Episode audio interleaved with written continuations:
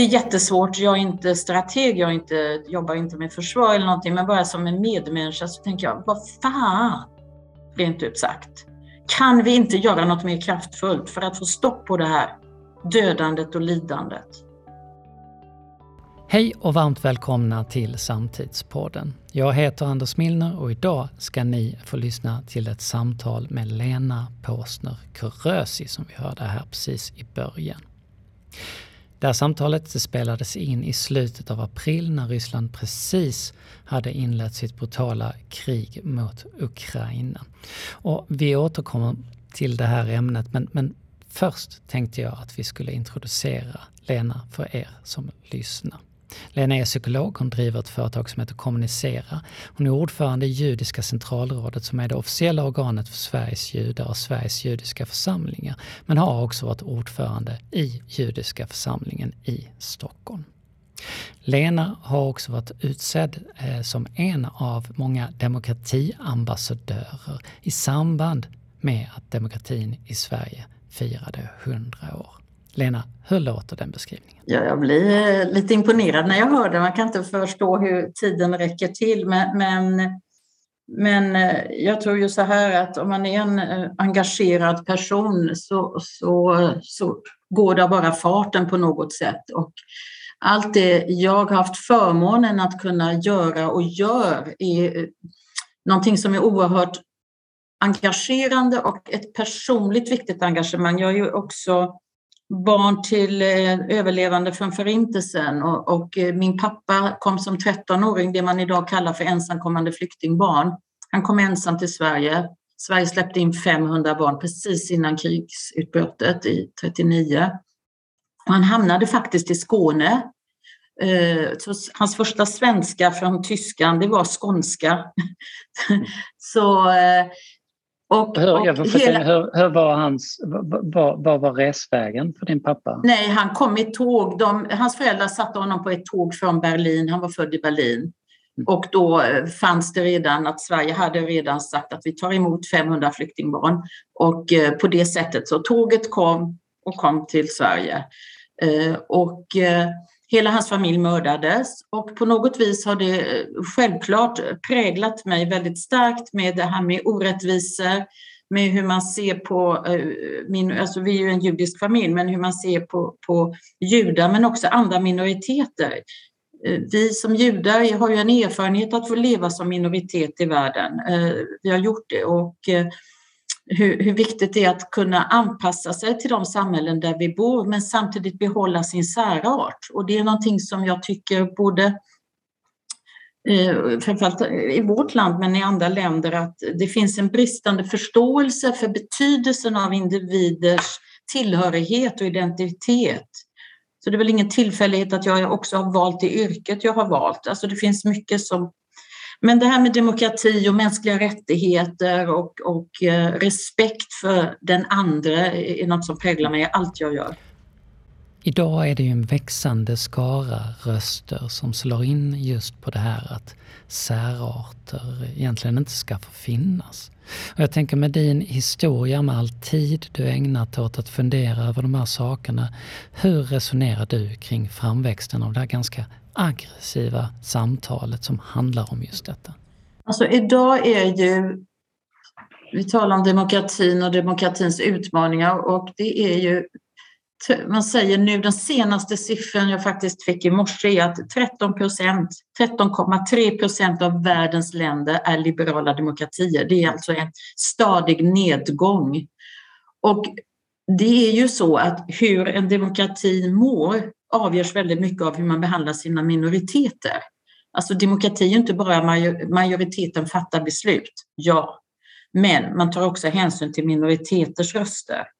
Och i takt med att det hårdnade klimatet, eh, på, både politiskt och, och, generellt i samhället mellan människor, om vi talar i vårt land, vi ser vad som händer i Europa, eh, hur populister och andra röster växer sig starka och att människor hellre talar om trygghet än frihet så menar jag att vi har all anledning att känna en viss oro för utvecklingen.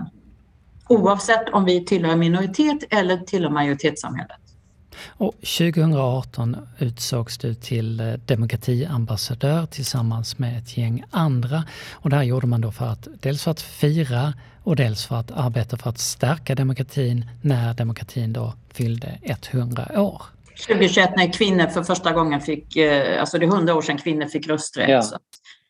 Ja, vi har ju turnerat runt i landet med en demokratistuga bland annat. Nu blev det allt försenat på grund av, av eh, pandemin och så.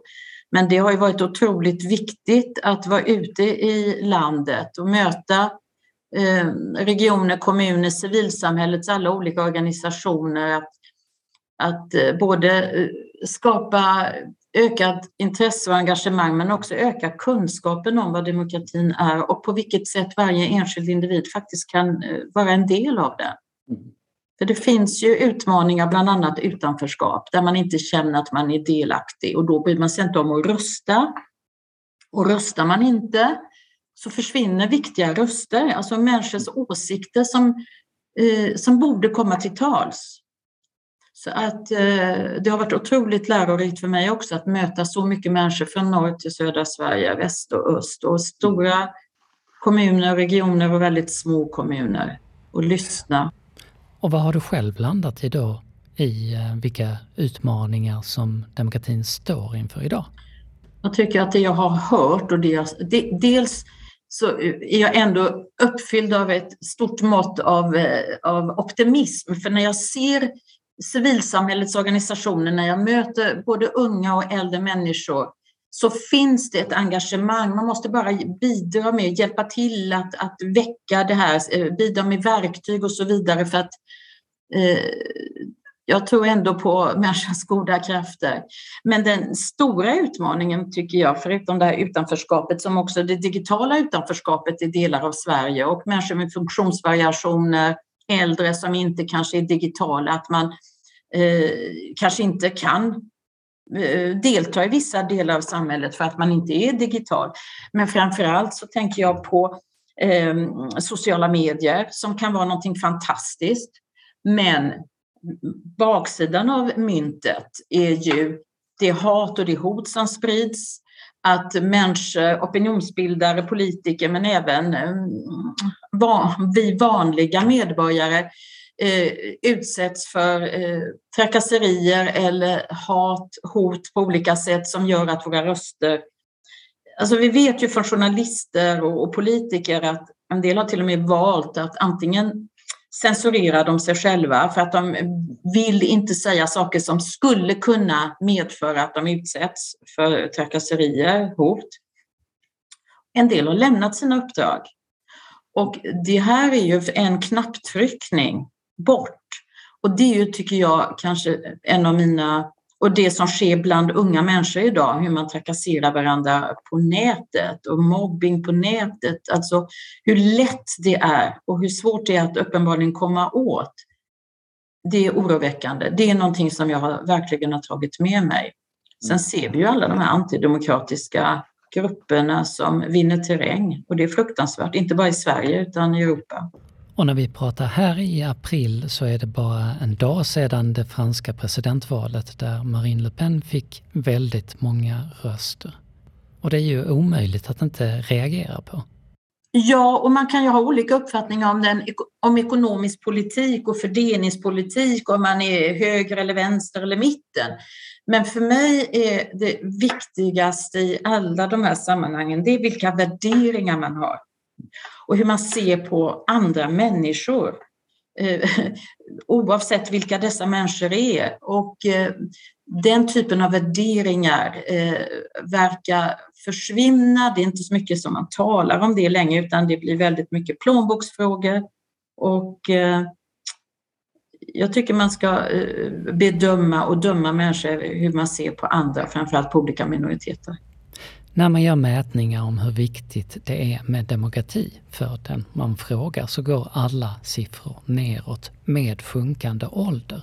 Det vill säga, ju yngre man är desto mindre viktigt är det att man bor i en demokrati, lever i en demokrati. Och den minsta gemensamma nämnaren här det är avståndet till andra världskriget. Har man varit i närheten av andra världskriget eller haft föräldrar som upplevt det så verkar man vara lite vaccinerad mot antidemokratiska krafter. Och det här avståndet i tiden då verkar göra någonting med oss. Eh, Lena, du har samordnat Amana i Malmö. Kan du berätta vad det här projektet är för någonting? Så vi är, det är en ideell förening som jag är medgrundare till. Vi startade formellt oktober 2017 och finns alltså i Malmö och där judiska församlingens rabbin Moshe David Akoen och imam från Islamakademin bland annat eh, Salahuddin Barakat som jag tror är en ganska känd profil i Malmö. Eh, vi bestämde att det måste göras någonting. Och eh, dels, alltså det har ju varit ett problem för den lilla judiska minoriteten i Malmö under lång tid och då är det ju inte att sticka under stol med att mycket har kommit från islamistiskt håll. Man tar med sig fördomar om judar, man blandar ihop judar med Israel och, och politik. Så att det kändes angeläget att adressera det här på ett, på ett eh, klokt eh, sätt. Och vad de här två herrarna gör är ju att de är ute i skolor. Nu drabbades ju vi alla pandemin så mycket gick ju i stå lite grann eller saktade farten lite men vi hann ändå ha hunnit med en hel del. De herrarna är ute i skolor talar om judendom och islam som religioner. Det här är ju ändå två religiösa företrädare, djupt religiösa företrädare och vilket jag inte överhuvudtaget är. Jag har ing... så det, det, känns väldigt roligt. Men det, vi tillåter varandras olikheter. Eh, och de talar om judendom och islam, både vad som, eh, lik, vad som eh, överensstämmer i våra traditioner och religioner men också vad som särskiljer. Och parallellt med det i klassrummen adresserar de frågor om antisemitism och islamofobi. Och vi har ju fått frågan också från, eh, från Svenska kyrkan, från andra kristna samfund att de vill vara med och då har jag varit väldigt tydlig med att det vill jag inte. Därför det som särskiljer eh, oss, judar och muslimer från det, det är dels att vi är två, tillhör två minoriteter. Vi har väldigt mycket gemensamt och att är skillnaden att tillhöra en majoritet och minoritet. Um, Plus att det är väldigt mycket fråga om personkemi. De här två religiösa företrädarna har funnit varandra, de är trygga med varandra och att inte alltid överens, tvärtom. Men att i klassrummet komma tillsammans och det är tveklöst vilka de är. Man ser att det är en rabbin, han har en stor kippa, en huvudbonad och långa så här fransar som hänger ner och imamen med sin klädedräkt. Man, man vet att det här är en imam och det här är en rabbin. Det faktum att de, bara, oavsett vad de säger, vilket de gör och det är mycket bra, bara det faktum att de kommer tillsammans, det är hela poängen. De gör det här tillsammans, visar ju på att det är görligt. Det finns en ömsesidig respekt även när man inte håller med. Och eh, det sänder en viktig signal att vi behöver inte tycka lika, vi behöver inte vara lika, vi behöver inte ens älska eller tycka om varandra. Men i en demokrati tillåter man varandra och tillåter varandras olikheter. Jag tog upp de här graferna jag nämnde tidigare av ett skäl för att det är tydligt att en sak som vi behöver det är ju kunskap. Samtidigt så lever vi ju inte i ett kunskapslöst samhälle. Vi har skolor, vi har information. Och det som saknas, och där är lite min fråga till dig Lena, det är kanske relationer och samtal och närhet till de människorna som berörs. Eh, är det ett demokratiproblem? Det vill säga att när vi inte får samtal med andra människor så hamnar liksom inte kunskapen vi behöver på plats.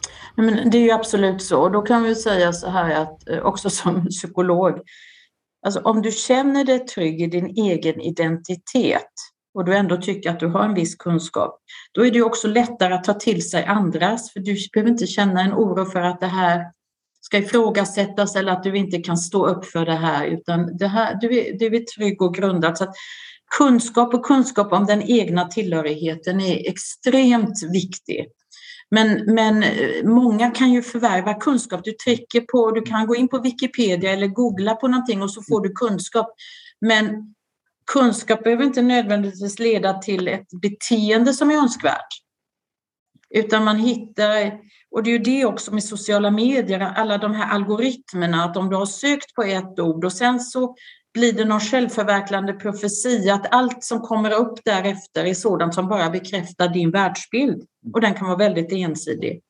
Så jag håller med dig precis, alltså en kombination av kunskap men också möjligheten att utifrån kunskap kunna ifrågasätta, diskutera, ventilera. Därför att det står ju i skolplanen att elever ska kunna ifrågasätta.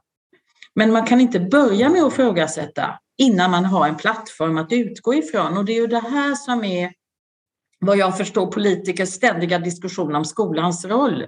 Man kan inte ha ett diskussionsforum i skolan innan man har lärt sig någonting. Det är min absoluta övertygelse. Och därför håller jag med. Dels att här förmedlas kunskap om judendom och islam, antisemitism och islamofobi. Men de ser också i, personifierat i två företrädare att man måste inte hålla med varandra, även om man kan om varandra eller sitt eget. Eh, men det finns en respekt. Och jag tror att ordet respekt, och amana betyder ju tillit. Eh, respekt och tillit. Och ett ord som jag bara vill passa på eh, och, kommentera i det här sammanhanget, som, ett ord som jag avskyr och det är ordet tolerans. Och skälet till det är att ur mitt perspektiv, jag vill inte bli tolererad. Det jag representerar, vill, jag vill inte bli tolererad för det är ofta majoriteten som tolererar. Och det är för mig ett maktperspektiv. Majoriteten talar om att du är okej okay, så länge du gör eller är X, Y, Z. Nej tack. Jag vill bli respekterad om jag förtjänar det. Så att jag tror att när vi talar om att vi är tolerant eller vi ska tolerera så får vi vara lite försiktiga och vara lite tydliga med vad är det egentligen vi säger och varför. Jag tänker också på det här att skolorna är såklart en fantastisk bas för framtiden när det gäller att, att ge kunskap, ge information och att träna människor i ett tänkande. Men man går ju bara i skolan i ett gäng år. När det gäller eh, det segregerade samhälle som vi har, du sitter i Stockholm Lena och jag i Malmö när vi pratar här. Malmö är en av Sveriges mest segregerade städer. Du kan faktiskt leva ett helt liv i Malmö utan att komma i kontakt med andra människor än sådana som är som dig själv. Och min fråga till dig är, vilket ansvar ska man säga att vi andra har? Att prata med andra människor som inte är som vi. Att söka kontakter, att sänka trösklarna i arbetslivet och släppa in fler. Vad tänker du? Det är ju jätteviktigt, men med det sagt så måste det vara genuint. Alltså det är inte bara att ja, men nu så har vi Operation Dagsverke här på vårt företag. Nu ska vi ut och träffa några från Syrien eller nu ska vi träffa några romer eller några från eh, RFSL och HBTQ i... Eh, alltså, det måste kännas genuint och man måste stå ut med att man blir ifrågasatt. Vad tusan gör du här? Vad är det nu? Du, what's in it for us? Vi vill inte bli liksom djur, eh, djuren i, i, i djurparken och komma och titta på oss hur vi har det här. Så att det måste, och det är långsiktigt och det är tålamodsprövande. Och eh, ibland springer man, slår man huvudet i väggen. Men, men det måste vara genuint och eh, jag tror ju att jag vill ju alltid slå ett slag för civilsamhällsorganisationerna. Och det gör ju ingenting om det bara om det är, eller idrotten är fantastisk tycker jag, eh, som en gammal fotbollsspelare. Idrotten är fantastisk. Eh, militärtjänst, där man kommer från olika håll, olika sociala sammanhang, olika delar av landet. Idrotten, fotbollen eller andra idrotter där, där det handlar om man, att man är intresserad av den här sporten eller man vill utöva den, vad det än är för något. Och inte bara, jag talar inte elit nu, jag talar verkligen eh, och olika eh, civilsamhällsscouterna, eh, fågelskådare, alltså jag vet frimärkssamlare, jag vet inte vad som helst. Att förenas kring ett intresse Eh, och kanske lära sig lite om en demokratiutbildning är ju att om du är med i en förening och du sitter med i lilla styrelsen där och du har en ordförande och en kassör och en sekreterare och sen har du ledamöter och så ska du räcka upp handen och det ska skrivas protokoll. Det är ju ett fantastiskt sätt att eh, lära sig lite kring demokrati. Men eh, det måste kännas relevant och det måste kännas genuint. Mm. Och då är det väl fritt fram att ge sig ut. Och det ska ju för... På samma sätt kan man ju ställa krav på minoriteter som bor i Sverige och i olika delar av landet att öppna upp, visa upp. Och jag hade lite konflikter tidigare med förre eh, borgmästaren Reepalu därför att jag sa till honom när han hade uttalat sig, vilket han gjorde då och då väldigt klumpigt, eh, och sa det att Malmö är, och jag tycker verkligen det, jag är ju så mycket i Malmö, är en fantastisk stad. Och det här mångkulturella, vi i Sverige, vi reser utomlands, vi vill testa ny mat, vi har med oss någon liten palör, vi ska lära oss några fraser på det här landet vi besöker. Vi vill uppleva det landets kultur, vi åker dit på två veckor med någon charter eller inte charter. Och det är underbart. Men när den kulturen är här hos oss, då är vi inte lika intresserade och nyfikna. Då är det inte lika spännande. Så att om Malmö och Reepalu hade bemödat sig att mycket mer använda sig av kulturen, mat, musik, sammanföra människor, festivaler året runt i olika... Det görs ju en del, men alltså i mycket ja. större utsträckning på gator och torg. Då, då löser det sig. Nu är det ju länge sedan Reepalu slutade i Malmö. Malmö stad gjorde en rapport om förekomsten av antisemitism för ungefär ett år sedan. Och den visade på rätt stora problem och landade i att kunskapen att arbeta mot antisemitism i skolorna är alldeles för låg. Hur skulle du vilja beskriva situationen för judar i det svenska samhället? Generellt i Sverige. Jag vet ju att Malmö stad nu eh, med nuvarande ledning har ju satsat väldigt mycket, både ta fram den här rapporten men också eh, judiska församlingen i Malmö har ju ett kunskapscenter, ett informationscenter dit skolklasser kommer.